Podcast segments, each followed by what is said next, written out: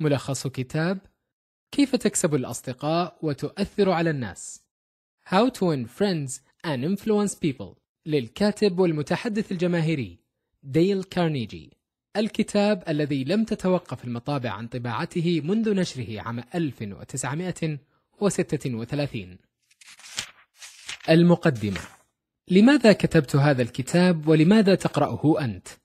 عملت لما يزيد عن الثلاثين عاما. في تدريب الناس على الحديث الجماهيري من واقع خبرتي إلا أن ما لاحظته هو أنهم يحتاجون لتعلم فن التعامل أكثر من حاجتهم لفن الحديث.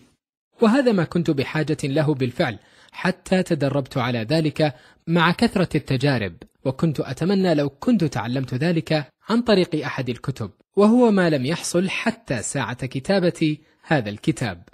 لذلك كتبته لأقدمه لمن يريد كسب الأصدقاء والتأثير على الناس وتغيير حياته وحياتهم للأفضل. وهذا ما ترومه أنت منه.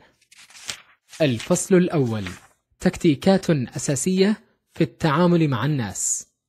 أولا لا تحطم الخلية إن أردت عسلها. إذا ما أردت أنا وإياك أن نفعل شيئا بغيضا يستمر لسنوات وحتى موت من نقصده لننقده نقدا لاذعا لكن مختصرا ولا تدقق على مدى استحقاقه له تذكر دائما أننا لا نتعامل مع مخلوقات منطقية إنما مخلوقات عاطفية متسلحة بتحيزها مدفوعة بكبريائها تفهم تصرف الآخر وتغاض عن بعض أخطائه وتلطف معه في تصحيح سلوكه دون أن تخسره بانتقاد لم تفكر بتبعاته وكان بإمكانك استبداله بما يكسبك إياه. ثانيا أعظم سر في التعامل مع الناس. هناك طريقة واحدة فقط تدفع كل أحد لفعل أي شيء وهي أن تجعله راغبا به. صحيح أن هناك أساليب أخرى لإنجاز المهام التي تأمر بها كالتهديد إلا أنها لن تأتي بطيب نفس. ومقدمة هذه الطريقة أن أمنحك ما تريد. ما الذي تريده؟ رغبة التقدير. إلى هذا يتعطش الناس وإن وضعوه في ذيل رغباتهم. التي تبدو ضرورية كالصحة والغذاء والسكن وسائر المتع والرغبات. ثالثا من يستطيع فعل هذا سيكون العالم بأسره معه ولن يكون وحيدا. أخرج من دائرة التفكير بما ترغب إلى دائرة التفكير بما يرغب به الآخرون. شاهد الأمور من منظورهم واجعلهم يفعلون ما تريد لأنهم يريدونه وبالطريقة التي يرونها. أن يفعل الإنسان ما يرغب به هو نوع من التعبير عن الذات إذ لم يجبر عليه بل اتجه إليه طوعا.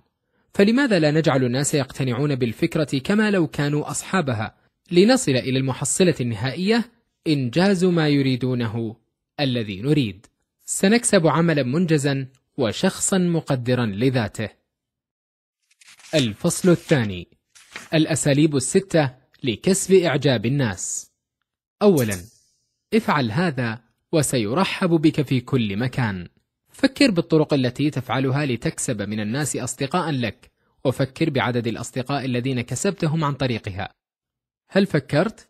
أقول لك الآن أنه بإمكانك أن تكون صداقات خلال شهرين أكثر من تلك التي كونتها خلال سنتين وذلك بأن تكون مهتما بالآخرين على أن تكون مهتما بأن يهتم بك الآخرون.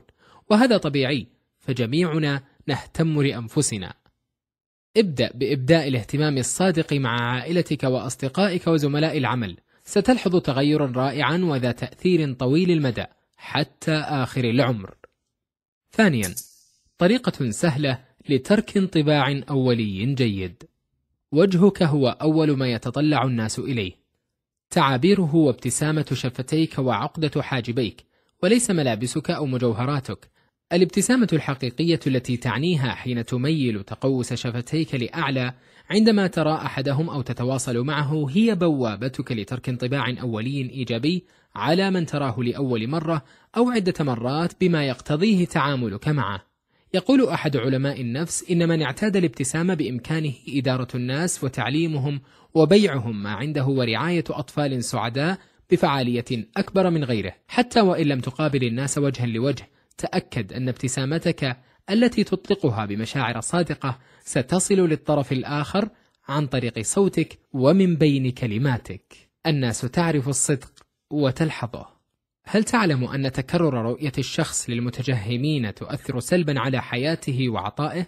لا تكن جزءا من هذا التأثير وكن جزءا من تغييره بابتسامتك الحقيقية إذ أنها ستؤدي رسالة مفادها ما زال في الحياة بقية من متعتها. ثالثا ستقبل عليك المتاعب إن لم تفعل هذا الأمر. لا شيء أحب على قلب الإنسان من أن ينادى باسمه وكأن مناديه يعرفه مهما تطاولت السنين وتباعدت الأزمنة سيشعر الناس بقرب من يخاطبهم بأسمائهم مهما قصرت مدة التعارف وإذا ما خاطبهم كتابة اعتنى بإملاء الاسم كما يرغبون أو يحبون ليس الشأن حفظ الاسم فحسب بل المخاطبة به كل مرة تتواصل مع ذلك الشخص لأي غرض. رابعا طريقة ميسرة لتكون محاورا جيدا. كنت يوما في حفل عشاء ومن بين الحضور عالم نبات. بدأ يحدثني عن النباتات وزراعتها وأرهفت سمعي له. لم أزد عن أني استمعت إليه وأومأت ولم أتفوه بكلمة. فأمطرني بعبارات الثناء والمديح ووصفني بالمحاور الجيد. ما الذي جعله يسميني بالمحاور الجيد؟ أني كنت مستمعا جيدا. من النوع الذي يريده الناس منتبها متفاعلا مقدرا إياهم. ولا ضرورة لأن تعلق أو تطرح مقترحات أو تعالج الموقف. لا تحصر الاستماع بما تسمعه صوتا، قد يكون كتابا أو سيرة ذاتية، لكن كيف يعرف المعني أنك قرأت كتابه أو عنه؟ تواصل معه واسأله عن بعض التفاصيل وعبر عن صدق موقفك ومشاعرك حيال ما قرأته بخطه أو عنه. ستجد مع مرور الوقت أنك كسبت عددا من الناس ممن لهم ثقلهم في الحياة وتأثيرهم في حياتك وذلك بالاستماع إليهم. خامسا الطريق المعبد لقلوب الآخرين هي تحديثهم بما يمثل لهم قيمة معنوية.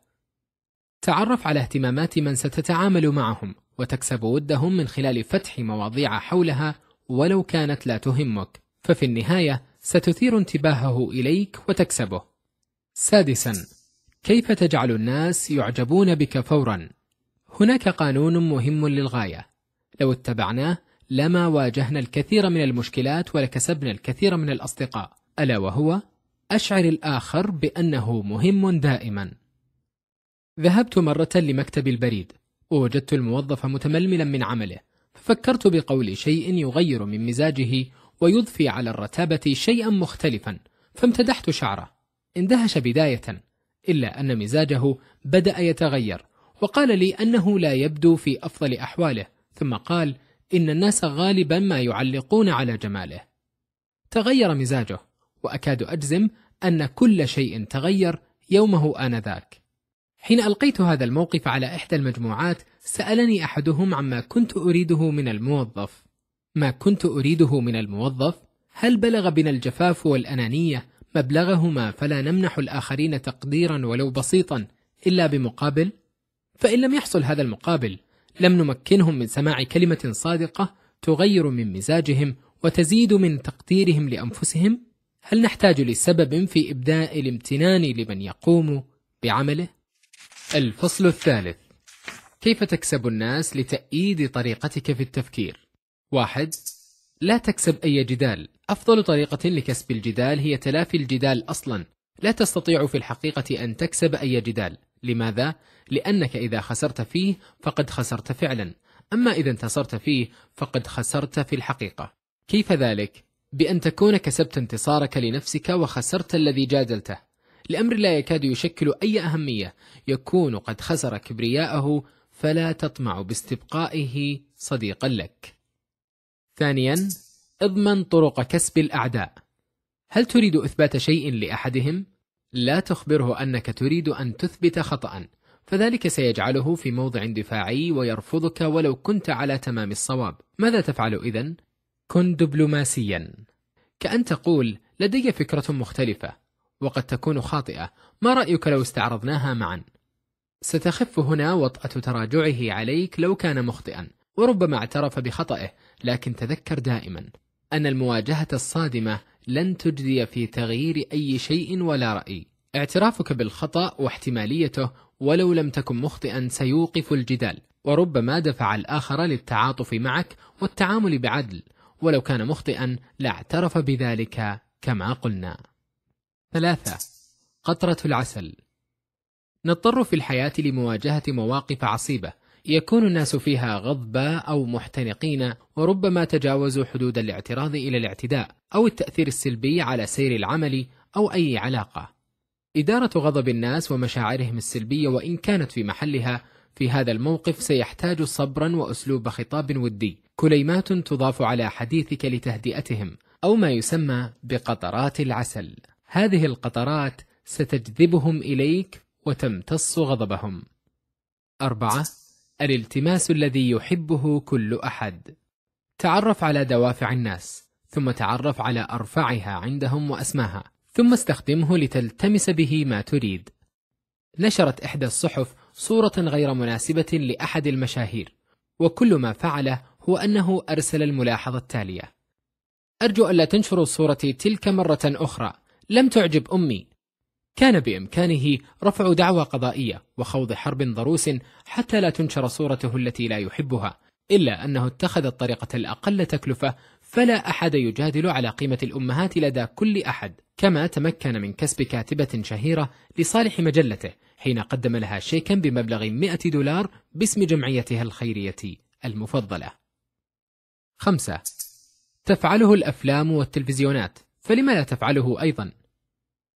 أقصد بذلك المسرحية. ضع فكرتك وما تريد إيصاله عند الضرورة في قالب مختلف غير تقليدي. اجعله مسرحية تجذب انتباه متلقيك. أرهق أحد أصدقائي من توجيه أبنائه لترتيب ألعابهم. ماذا فعل؟ أدى المسرحية.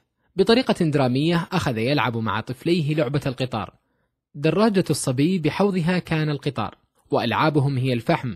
ليقود الصبي قطاره الوهمي في أنحاء الغرفة وتجمع البنت في حوضه الفحم وما عاد هناك أي جدال وصراخ ولا ألعاب متناثرة. ما هذا إلا مثال وبإمكانك تطبيق نموذجك الخاص بما يتناسب مع فكرتك. المهم أن تركز على الإبهار ولفت الانتباه. 6. إذا نفدت حيلك فاحتل بهذه. الحيلة ببساطة هي أوقد شعلة التحدي. حين تتراجع الإنتاجية وتستنفد كل طرق التهديد والتودد إلجأ للتحدي. كان لأحدهم مصنع أحد فرقه لا ينتج بالقدر المطلوب وقد استنفد ما يعرفه من ترهيب وترغيب. سأل فريق الوردية الصباحية عن عدد العمليات التي يجرونها في اليوم. أخبره أنها ستة. رسم رقم ستة كبيرا على الأرض ثم مضى. تساءل أفراد فريق الوردية الليلية عن الرقم فأخبروا. فتناقشوا. هل يكون الفريق الصباحي أفضل منا؟ لا فأجروا سبع عمليات ومسحوا الرقم ستة وأضافوا رقمهم الجديد. وهكذا فعل من بعدهم الفريق الصباحي فانقلب الموضوع إلى التنافس في من يعمل أكثر حتى ازدهرت الإنتاجية. في التحدي تعبير عن الذات فرصة لإثبات القدرات للبروز وكسب التحدي. استثمر رغبة البروز الفطرية هذه بالطريقة الإيجابية التي تضمن كسب كل الأطراف. الفصل الرابع. كن قائدا. كيف تغير الناس بلا إساءة ولا ضغينة؟ لما كان دور القائد في أي مكان هو تغيير المواقف والسلوكيات إليك جملة من الأساليب التي ستيسر لك هذه المهمة. أولا إن تحتم عليك إبراز الخطأ فهذه الطريقة الصحيحة لذلك. ألقى أحدهم خطابا انتخابيا بذل فيه جهدا لكتابته وإلقائه بطريقة جذابة إلا أنه لم يكن مناسبا البتة وكاد يضيع أهداف الحملة الانتخابية أرسل إليه أحد الأصدقاء يقول له كان خطابك رائعا للغاية ولا أظن أن أحدهم حتى هذه اللحظة يمكنه أن يكتب كالذي كتبت هل تظن أنه كان مناسبا تماما لتلك المناسبة؟ ما رأيك لو كتبت الخطاب التالي وأرسلته لي لأحسنه معك؟ هل وصلت النقطة؟ نعم قبل أن تشير للخطأ الذي تريد تصويبه أثني على من اقترفه ثناء صادقا لتفتح بوابة القبول ثم أخبره بالخطأ ليتقبل نصحك وربما طلب إرشادك ثانيا كيف تنقد ولا تحصد كراهية أحد بلفت انتباه المنتقد بطريقة غير مباشرة فإذا رآك تفعل ذلك دون ألفاظ نقدية أو تقريع أو استدراك بلاك سيقدرك وربما أحبك وسيفهم رسالتك ويعمل على ألا يكرر نقدك الذي أحرجه بهذه الطريقة مرة أخرى. ثالثا تحدث عن أخطائك أولا من أساليب تصحيح أخطاء الآخرين أو لفت انتباههم إليها إقرارك بأخطائك وما اقترفته في الماضي حتى وإن لم تصحح فهذا يعطي لتوجيهك قيمة يقتنع بها الآخر بأنك تريد حقا مصلحته. هكذا ببساطة. اعترف بخطئك لتصوب خطأ غيرك. رابعا. لا أحد يحب تلقي الأوامر. ماذا عن تكنيك يحفظ كبرياء الشخص ويمنحه شعورا بالأهمية ويصحح خطأه ويجعله يؤدي المهمة المطلوبة دون أن يسمع أمرا؟ هو ذاك الاقتراح. لا حاجة للقول بأن الأوامر المباشرة تصبح مملة وتثير البغضاء مع مرور الوقت وربما تناسى ملقيها إنسانيته وإنسانية من يتلقاها. لذلك غير قالب الرسالة من الأمر إلى الاقتراح. ما رأيك لو؟ لا يقتصر ذلك طبعا على مجال العمل بل مع كل من يفترض من سياق علاقتك به أنه يتلقى الأوامر منك. خامسا حافظ على ماء وجه الآخر. هل تعلم أن بضع دقائق من التفكير الحكيم تساعدك في حفظ ماء وجه الذي أنت على وشك انتقاده أو إقالته أو تصحيحه؟ حين يعترف مثلا أحد الموظفين باقتراف خطأ وأنه سيصححه تقبل منه ذلك واحفظ ماء وجهه بأن تقول مثلا أعلم أنك قد بذلت ما بوسعك والخطأ كان بسبب قلة خبرتك وليست قدرتك أعلم أنك في مكانك الصحيح. عبارات من هذا القبيل ستساعده على إنجاز عمله بتفان كي لا يخيب ظنك. وإلا فتوقع خاصة إن كان من المهمين في محيط عملك انتقاله إلى منافسك أو أن بذرة كرهك قد استزرعت. سادسا كيف تدفع الناس إلى النجاح؟ يشهد التاريخ في أحداث مختلفة ومتكررة أن كلمة ثناء ألقيت في أذن مجد دفعته إلى أعالي النجاح والمجد. فكر بحياتك أنت. ألم يحصل هذا معك؟ الثناء يأخذ أشكالا متعددة من الكلمات. اختر الثناء المناسب للشخص المناسب في الوقت المناسب وتمتع برؤيته ناجحا بسببك. الخاتمة. تذكر دائما أن كل ما أوردته لن يجدي معك نفعا في تكوين الصداقات والتأثير على الناس ما لم يكن صادرا من صميم قلبك. بكل صدق ولا حمق ولا أنانية. فما أدعو إليه هو أسلوب حياة جديد مبني على الصدق والحقيقة وتغيير الآخرين وليس على الحيل والالتواءات التي لا تلبث إلا وتكتشف ليصدم من تحاول كسبه والتأثير عليه. إذا ما عملت أنا وأنت على كشف الكنوز الشخصية والمهارية والمعرفية التي يحتفظ بها من نقابلهم يوميا ونتواصل معهم فلسنا نغيرهم فقط بل نبدلهم تبديلا تاما.